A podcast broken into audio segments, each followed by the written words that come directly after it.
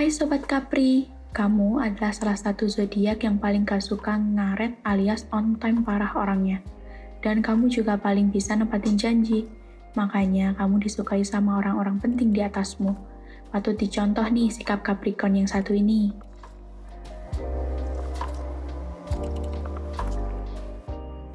Percintaan untuk Sobat Capri Lovebird.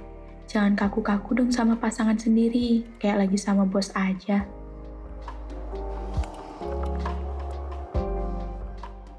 Percintaan untuk Sobat Capri yang masih single.